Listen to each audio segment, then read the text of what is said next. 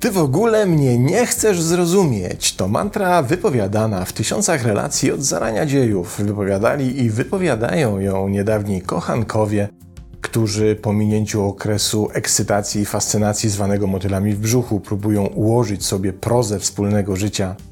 Dorastające dzieci do swoich rodziców w nadziei na to, że różnica pokoleń nie będzie stanowiła za każdym razem muru, którego nie tylko nie da się przebić głową, ale i pneumatycznym młotem. I oczywiście zaawansowani wiekiem rodzice do swoich dorastających dzieci z dokładnie taką samą nadzieją.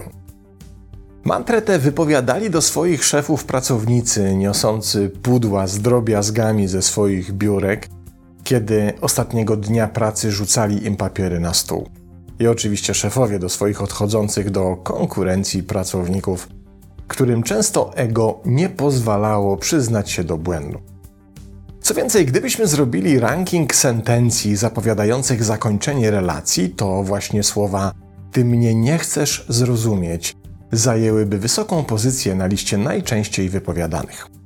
Jeśli więc przyjmiemy założenie, w którym brak realizacji potrzeby zrozumienia staje się na tyle dysfunkcyjny, że wiedzie nas do zakończenia relacji, to musielibyśmy założyć, że na drugim końcu osi, czyli tam, gdzie znajdują się rzeczy scalające relacje i odpowiedzialne za jej długotrwałe spełnienie, znajduje się zrozumienie. I nie chodzi tutaj wyłącznie o rozumienie wypowiadanych komunikatów, istoty przekazu, świata przekonań, wartości czy potrzeb. Chodzi również, a często przede wszystkim, o rozumienie emocji, o uznanie do nich prawa w konkretnych kontekstach sytuacyjnych, rozumienia ich pochodzenia i źródeł oraz tego, w jaki sposób są organizowane i powstają w emocjonalnym systemie drugiego człowieka. Wielu badaczy od lat utrzymuje, że poczucie zrozumienia, na przykład w relacjach romantycznych, jest o wiele ważniejsze niż miłość. Na przykład dr Leon Zelcer, psycholog z Uniwersytetu Cleveland State i autor bestsellera Paradoksalne strategie w psychoterapii, mówi, że jeśli nie doświadczamy lub nie możemy doświadczać innych jako rozumiejących nas, kim jesteśmy i o co nam chodzi, to wszystkie inne nasze pragnienia nie tylko schodzą na drugi plan, ale też nie będą mogły zostać zrealizowane.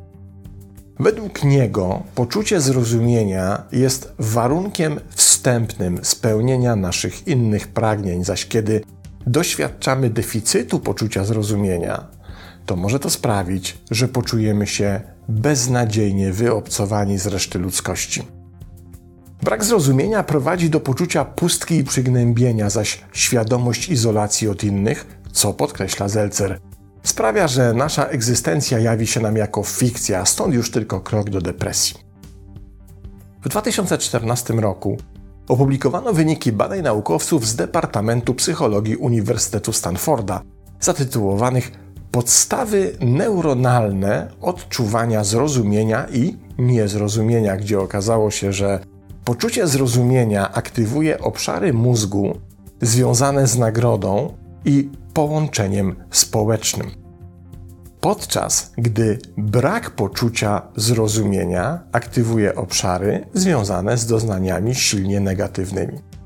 We wnioskach z badań czytamy, że uczucie zrozumienia sprawia, że jednostki czują się cenione, szanowane i zatwierdzane i prowadzi do ważnych zmian w doświadczeniu afektywnym i poczucia więzi społecznej. Ale wróćmy do doktora Zelcera, który wymienia 10 konkretnych efektów poczucia zrozumienia, dzięki którym budowane jest nie tylko poczucie więzi społecznej, ale też akceptacji oraz własnej wartości. Znalazły się wśród nich takie punkty jak potwierdzenie tożsamości, przynależności, upoważnienia do dbania o własne potrzeby i wartości, czy w końcu doświadczenie większej satysfakcji w relacjach.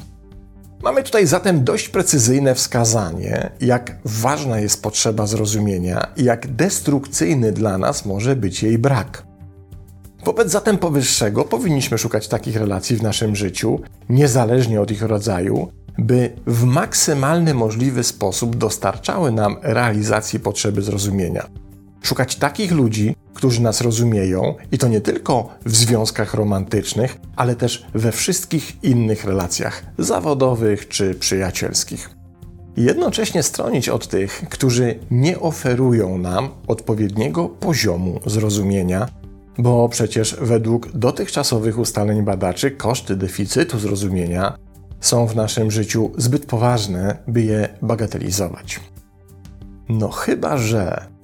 I tu właśnie mamy do czynienia z moim ulubionym momentem w nauce, w którym pojawiają się nowe badania, które delikatnie mówiąc stawiają nowe karty na stole lub mówiąc już bardziej dosadnie, każą nam zrewidować dotychczasowe przekonania.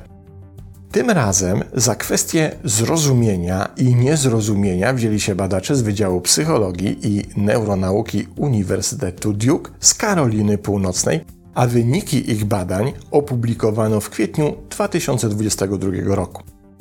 Najpierw badawczo sprawdzono, jakie emocje pojawiają się w efekcie poczucia niezrozumienia, co poskutkowało stworzeniem ich konkretnej listy. Znalazły się tam zranione uczucia, zazdrość, poczucie osamotnienia, poczucie winy i wstydu, niepokój społeczny połączony z zażenowaniem oraz smutek. I ta część badania zdaje się potwierdzać dotychczasowe przekonanie o silnym, destrukcyjnym wpływie braku zrozumienia na nasz system emocjonalny. Jednak na tym nie koniec, bo kiedy sprawdzono, w jaki sposób badani radzili sobie z tymi emocjami, okazało się, że wszystkie one mają również silny potencjał motywacyjny.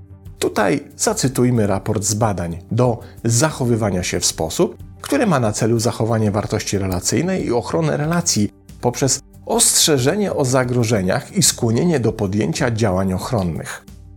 A to oznacza, że wymienione wyżej bolesne emocje stanowią rodzaj ostrzeżenia o spadającej wartości relacyjnej i jednocześnie motywują do podjęcia takich działań, które mają temu zapobiec.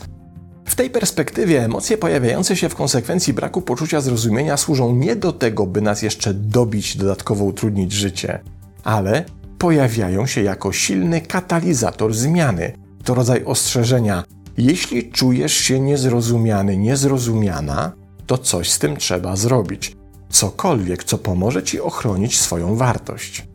To może być zarówno zmiana stylu komunikacji, przewartościowanie oczekiwań, jak i zrewidowanie, czy aby na pewno relacje obecne, w których doświadczasz poczucia niezrozumienia, są właściwe i warte ich kontynuacji.